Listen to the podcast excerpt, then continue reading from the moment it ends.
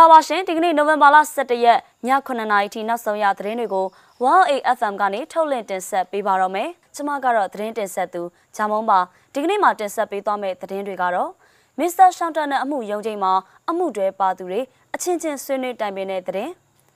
ရန်ကုန်တိုင်းအတွင်းမှာရှိတဲ့မြို့နယ်တချို့မှာစိုင်ကယ်ကိုတအူးထက်ပိုမစည်းဖို့လိုက်လံကြေညာနေတဲ့သတင်းမန္တလေးမြို့ဆွဲတော်ကညနာယုံဘုံပေါက်ကွဲတဲ့သတင်းစတာတွေအပြင် စစ်ကောင်စီတပ်ကစစ်ရဟရင်တုံးပြီးကြေးရွာတွေကိုပြစ်ခတ်တိုက်ခိုက်တဲ့သတင်းတွေကိုတင်ဆက်ပေးမှာပဲဖြစ်ပါရရှင်။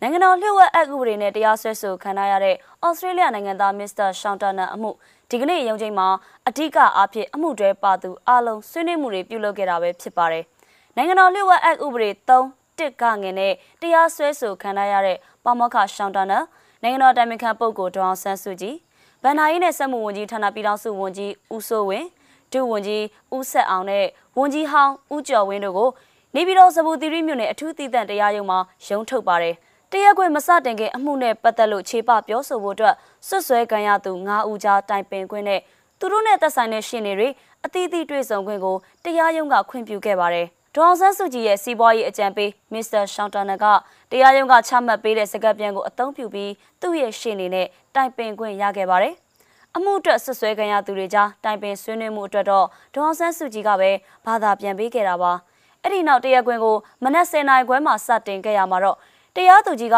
တရားလိုစစ်ဆေးမှုကိုနိုဝင်ဘာလ25ရက်မှာကြားနာစစ်ဆေးဖို့ရုံးချင်းပြန်လည်ချင်းဆိုတာနဲ့ပဲအဆုံးသတ်ခဲ့ပါတယ်။ အမှုနဲ့ပတ်သက်လို့မစ္စတာရှောင်းတာနန်နဲ့ပြည်ထောင်စုဝန်ကြီး၃ဦးကရန်ကုန်အင်းစိန်အကျဉ်းထောင်ကနေလာရောက်ကြရတာပဲဖြစ်ပါတယ်။အသက်86နှစ်အရွယ်နိုင်ငံကောင်းဆောင်ဒေါအောင်ဆန်းစုကြည်က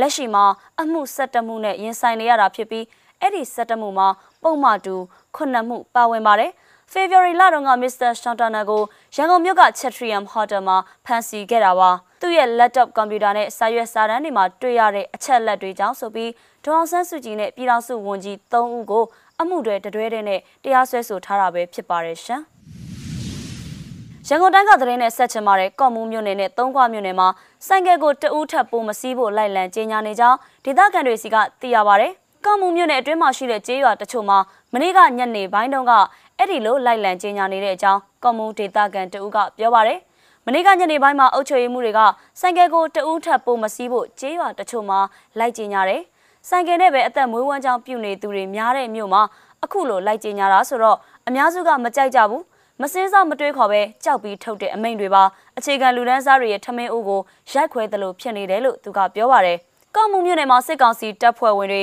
တေဆုံးခဲ့တဲ့တိုက်ခိုက်မှုနဲ့ပောက်ကွဲမှုဖြစ်စဉ်တွေမှာဆိုင်ကယ်အုံပြုပြီးလှုပ်ဆောင်နေဆိုပြီးတော့အခုလိုကြေညာတာဖြစ်နိုင်တယ်လို့ဒေသခံတွေကယူဆနေကြပါတယ်။အဲ့ဒီလိုပဲသုံးခွမြို့မှာရှိတဲ့ YBS 34ရှင်လိုင်းဂိတ် ကြေညာတင်ပုံးမှာလည်း17ရက်17လ2021ရက်ကစပြီးမော်တော်ဆိုင်ကယ်တွေနှစ်ဦးမစီးဖို့အများသိရှိရန်အသိပေးအပ်ပါသည်လို့ရေးသားထားတဲ့ဓပုံလူမှုကွန်ရက်ပေါ်မှာမနေ့ညနေပိုင်းကပြန့်နှံ့ခဲ့ပါသေးတယ်ဒီကနေ့မနက်တော့အဲ့ဒီကြေညာဆိုင်ပုတ်မရှိတော့ဘူးဆိုင်ကယ်လိုင်စင်ဖမ်းတာတော့ရှိနေတယ်နှစ်ယောက်စီလို့ဆိုတာထက်အကုန်စစ်ဆေးပြီးဖမ်းနေတာလို့သုံးခွဒေတာကန်ကပြောပါတယ်ဆိုင်ကယ်ကိုတအူးထပ်ပိုမစီးဖို့လိုက်လံကြေညာနေလို့ဆိုင်ကယ်အသုံးပြုနေတဲ့ပြည်သူတွေ သွာလာရေးမှာခက်ခဲတာတွေဖြစ်လာနိုင်တယ်လို့ဆိုင်ကယ်ကယ်ရီဆွဲပြီးအသက်မွေးဝမ်းကြောင်းပြုနေသူတွေကလည်းစားဝတ်နေရေးခက်ခဲလာမှာကိုစိုးရိမ်နေကြပါတယ်။တွန်တင်းမြို့နယ်မှာလည်းအဲ့ဒီလိုကြေညာချက်မျိုးထုတ်ပြန်ထားတယ်လို့သတင်းတွေကထွက်ပေါ်နေပေမဲ့မစ္စည်းမကတီးခြားအတည်ပြုနိုင်ခြင်းတော့မရှိသေးပါဘူးရှင်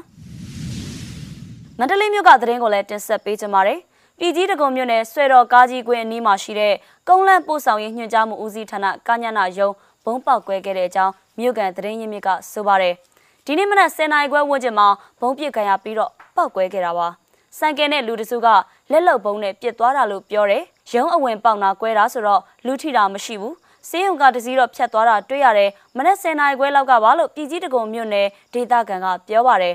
ပောက်ကွဲမှုဖြစ်ပွားခဲ့ပြီးတဲ့နောက်ဆွေတော်ကားကြီးကွင်းဝန်းကျင်ကိုစစ်ကောင်စီလက်နက်ကိုင်တွေကပိတ်ဆို့ထားပါတယ်ဆွေတော်ကညနာယုံအနီးရက်ွက်တွေမှာလည်းရှာဖွေစစ်ဆေးမှုတွေပြုလုပ်နေတယ်လို့ဒေသခံတွေကဆိုပါတယ်။ မန္တလေးမြို့မှာဆွေတော်ကညနာယုံနဲ့တိတ်ပံလန်းကညနာယုံဆိုပြီးရင်းလိုက်စင်တက်တန်တိုးဝန်ဆောင်မှုလုပ်ပေးနေတဲ့ယုံနှစ်ယုံရှိပါတယ်။တိတ်ပံလန်းကညနာယုံမှာဘုံလေးချိန်ပောက်ကွဲထားပြီးဆွေတော်ကညနာယုံမှာတော့ဒီကနေ့ပထမဆုံးပောက်ကွဲမှုဖြစ်ပါတယ်ရှင်။နောက်ဆုံးသတင်းတစ်ပုဒ်အနေနဲ့ကဏီမြို့နယ်ကသတင်းကိုတင်ဆက်ပေးချင်ပါတယ်။ကဏီမြို့နယ်ဒဇယ်ကျေးရွာအနီးမှာဖြစ်ပွားခဲ့တဲ့တိုက်ပွဲမှာစစ်ကောင်စီတပ်ကတိုက်ခတ်ရေးရဟတ်ရင်သုံးခဲ့တယ်လို့ဒေသခံပြည်သူ့ကာကွယ်ရေးတပ်ကထုတ်ပြန်ထားပါတယ်။ မနေ့ကမနေ့6နိုင်ဝန်းကျင်မှာဒဇယ်ကျေးရွာနာကစစ်ကောင်စီတပ်ကို People's Defense Army ရင်းမာပင်နဲ့မဟာမိတ်တပ်ပေါင်းစုတို့ကပူးပေါင်းပြီးတော့တိုက်ခိုက်ခဲ့ပါတယ်။အဲ့ဒီလိုတိုက်ခိုက်ရမှာစစ်ကောင်စီကတိုက်ခိုက်ရေးရဟတ်ရင်အသုံးပြုပြီးတော့ပြန်လည်တိုက်ခိုက်ခဲ့တာဖြစ်တယ်လို့ People's Defense Army ရင်းမာပင်ကထုတ်ပြန်ထားပါတယ်။စစ်ကောင်စီတပ်က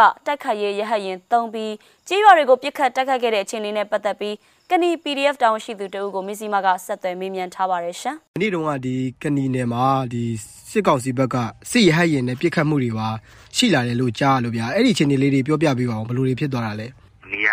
အနက်ခင်းနဲ့ဒီလေကင်းမှာစစ်ကောင်စီရဲ့တက်ရဲ့ပြူစောတီရဲ့တနန်လေးပေါင်းတဲ့အဖွဲ့နဲ့ဒီလိုမျိုးနဲ့ပြည်သူ့ကာဝေးတပ်ဖွဲ့နဲ့အပြန်အလှန်ပြစ်ခတ်မှုတွေရှိခဲ့တယ်ပေါ့ဒီပြစ်ခတ်မှုတွေရှိခဲ့ပြီးတဲ့နောက်မှာအဲ့ဒီအချိန်မှာလည်းပဲ စီဟိုင်းနှစ်စီပြန်ဝဲတာမျိုးလည်းရှိတယ်ပေါ့ပြီးတော့ညနေပိုင်း3နာရီကျော်လောက်ကြာတော့စီရဟိုင်းတစီရပြန်တန်းလာတယ်ပြန်တန်းလာပြီးတော့ကဏီမျိုးနဲ့လေကြောင်ရွာရှမ်းမြောင်းရွာညောင်ပင်ဝန်းရွာမင်းကုန်းရွာစတဲ့ရွာလေးရကိုဝင်ရနေပြီးတော့မှအတရဆက်ဒီမော်နေပြီးတော့မှပြစ်ခတ်တယ်ပေါ့ဒါအပြင်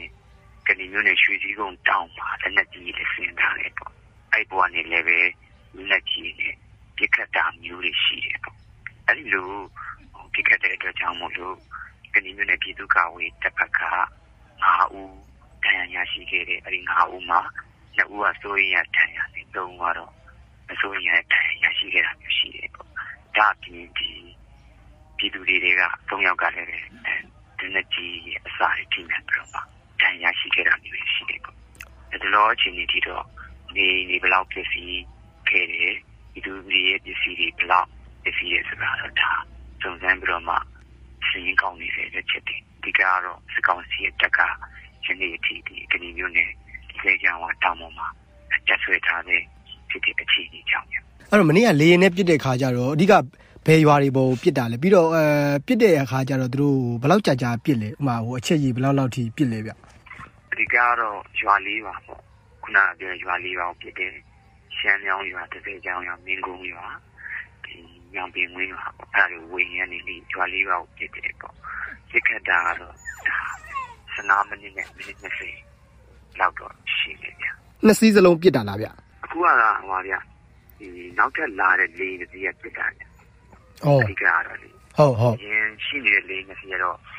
ဝဲတာပြန်တာတော့ပဲရှိတာပေါ့နောက်လာတဲ့လေကတော့ဒါအဲရုရှားနိုင်ငံတို့လို့သိရတယ်ဗျကျွန်တော်တို့နေဟောလို့အဓိကတော့ ဒီလေနာအရင်ကလည်းမြင်ဘူးတဲ့စီရင်ပုံစံမျိုးမဟုတ်တာတော့ကျွန်တော်တို့ဒီကတာတွေ့ရတယ်အဲ့ဒီရွာတွေကျတော့ကနီနဲ့ရဘယ်လောက်လောက်ဝေးလဲဗျဘယ်ဘက်မှာရှိတာလဲကနီနဲ့ဒီခဏကပြောတဲ့ရွာတွေဒီဟိုဘကန်တိကအကန်ပေါ့ချောင်းနဲ့ဟိုဘကန်တိကကန်ဗျကနီနဲ့အခုခဏကပြောတဲ့တကယ်ချောင်းရှမ်းမြောင်းညောင်ပင်ဝင်ဒီကုန်းဒီជីဝါချောင်းချထားတယ်ဗျချောင်းကြီးချထားတယ်ပြီးတော့ជីဝါချောင်းတရားရှိတယ်ပေါ့ဗျာဒါ ဟိုဘကန်တိကကန်ကနီနဲ့အဲ့တော့အဲ့ဒီရွာတွေမှာသူတို့ပြိုစစ်တပ်ကလေရင်နဲ့ပြစ်တဲ့အချိန်ရွာသားတွေမရှိဘူးလားရှိတဲ့အချိန်ကိုပြစ်တာလားရွာသားတွေကဒီတာမန်တိုင်းနဲ့ပေါ့ဒီလေညဝဲပြန်နေတယ်ပေါ့ဒီတိုင်းမှာတာမန်တိုင်းနဲ့ညီကြတယ်ညီကြတယ်ပေါ့အဲ့ဒါကြောင့်မို့လို့တချို့တော့ရွာလူရွာသားတွေဒီလူပြည်သားတွေကလည်းရွာထဲမှာရှိနေတဲ့သူတွေရှိတယ်ပေါ့ပြီးတော့ဒီစစ်ကောင်စီရဲ့တက်နေသူစိုးတီပေါင်းတဲ့အဖွဲ့ကဒီအရင်ရက်တည်းကလည်းပဲဒီ တစ်စေချောင်းရွာအဖြက်ရွာပြီးတော့ဒီရေလေချုံရွာအနီးနားတွေမှာငွေရနှောက်တာတွေရှိတော့ကြောက်ရွံ့ပြီးတော့မှ